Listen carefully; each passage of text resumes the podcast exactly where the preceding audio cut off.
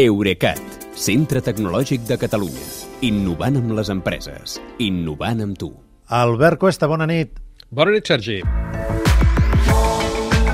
Com ens agrada la ràdio, eh, Albert? Mhm, Ens encanta. Totes, totes les versions. Totes les versions, perquè aquí en fem, en fem una que ens encanta, però també n'hi ha d'altres que són... Sí. Tècnicament és important per connectar-nos i amb les noves tecnologies i també cal eh, saber una mica en concreció com funcionen. Perquè tu m'explicaves eh, aquesta tarda que parlàvem que les telefòniques de l'Estat no les veus molt interessades en, en oferir la variant 5G que té més prestacions.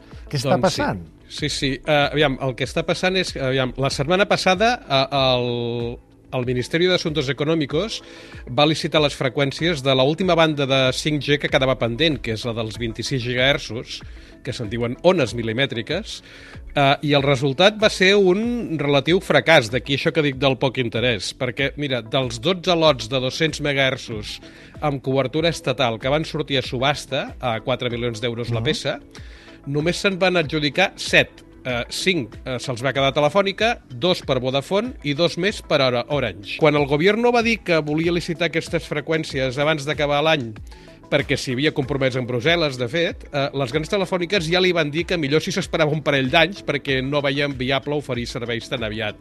Però el Ministeri ha seguit amb el programa i ara, si més no, es pot posar la medalla d'haver sigut de ser un dels pocs d'Europa on ja s'han licitat totes les bandes d'espectre, les tres, que estan previstes per donar serveis 5G. Clar, això és perquè tinguem uh, millors comunicacions, però té, tot, aquesta decisió també té, té conseqüències econòmiques, m'imagino. Uh, doncs sí, perquè la Hisenda espanyola amb aquesta subhasta ha, ha recaptat poc més de 36 milions d'euros, que això és un 36% per sota del preu, no del que esperava recaptar, sinó del de sortida, que ja era molt per sota dels 105 milions que el govern va proposar eh, al setembre. Què ha passat amb aquests anys? Doncs que les operadores no veuen gens clar com fer rendible el servei de 5G i quan han d'invertir s'ho miren molt eh, tant en freqüències, com en aquest cas, com en antenes. I estan sent tan conservadores les companyies que només despleguen xarxes 5G allà on creuen que podran donar servei a empreses, que són les que estan disposades a pagar més per tenir eh, més prestacions, diguéssim.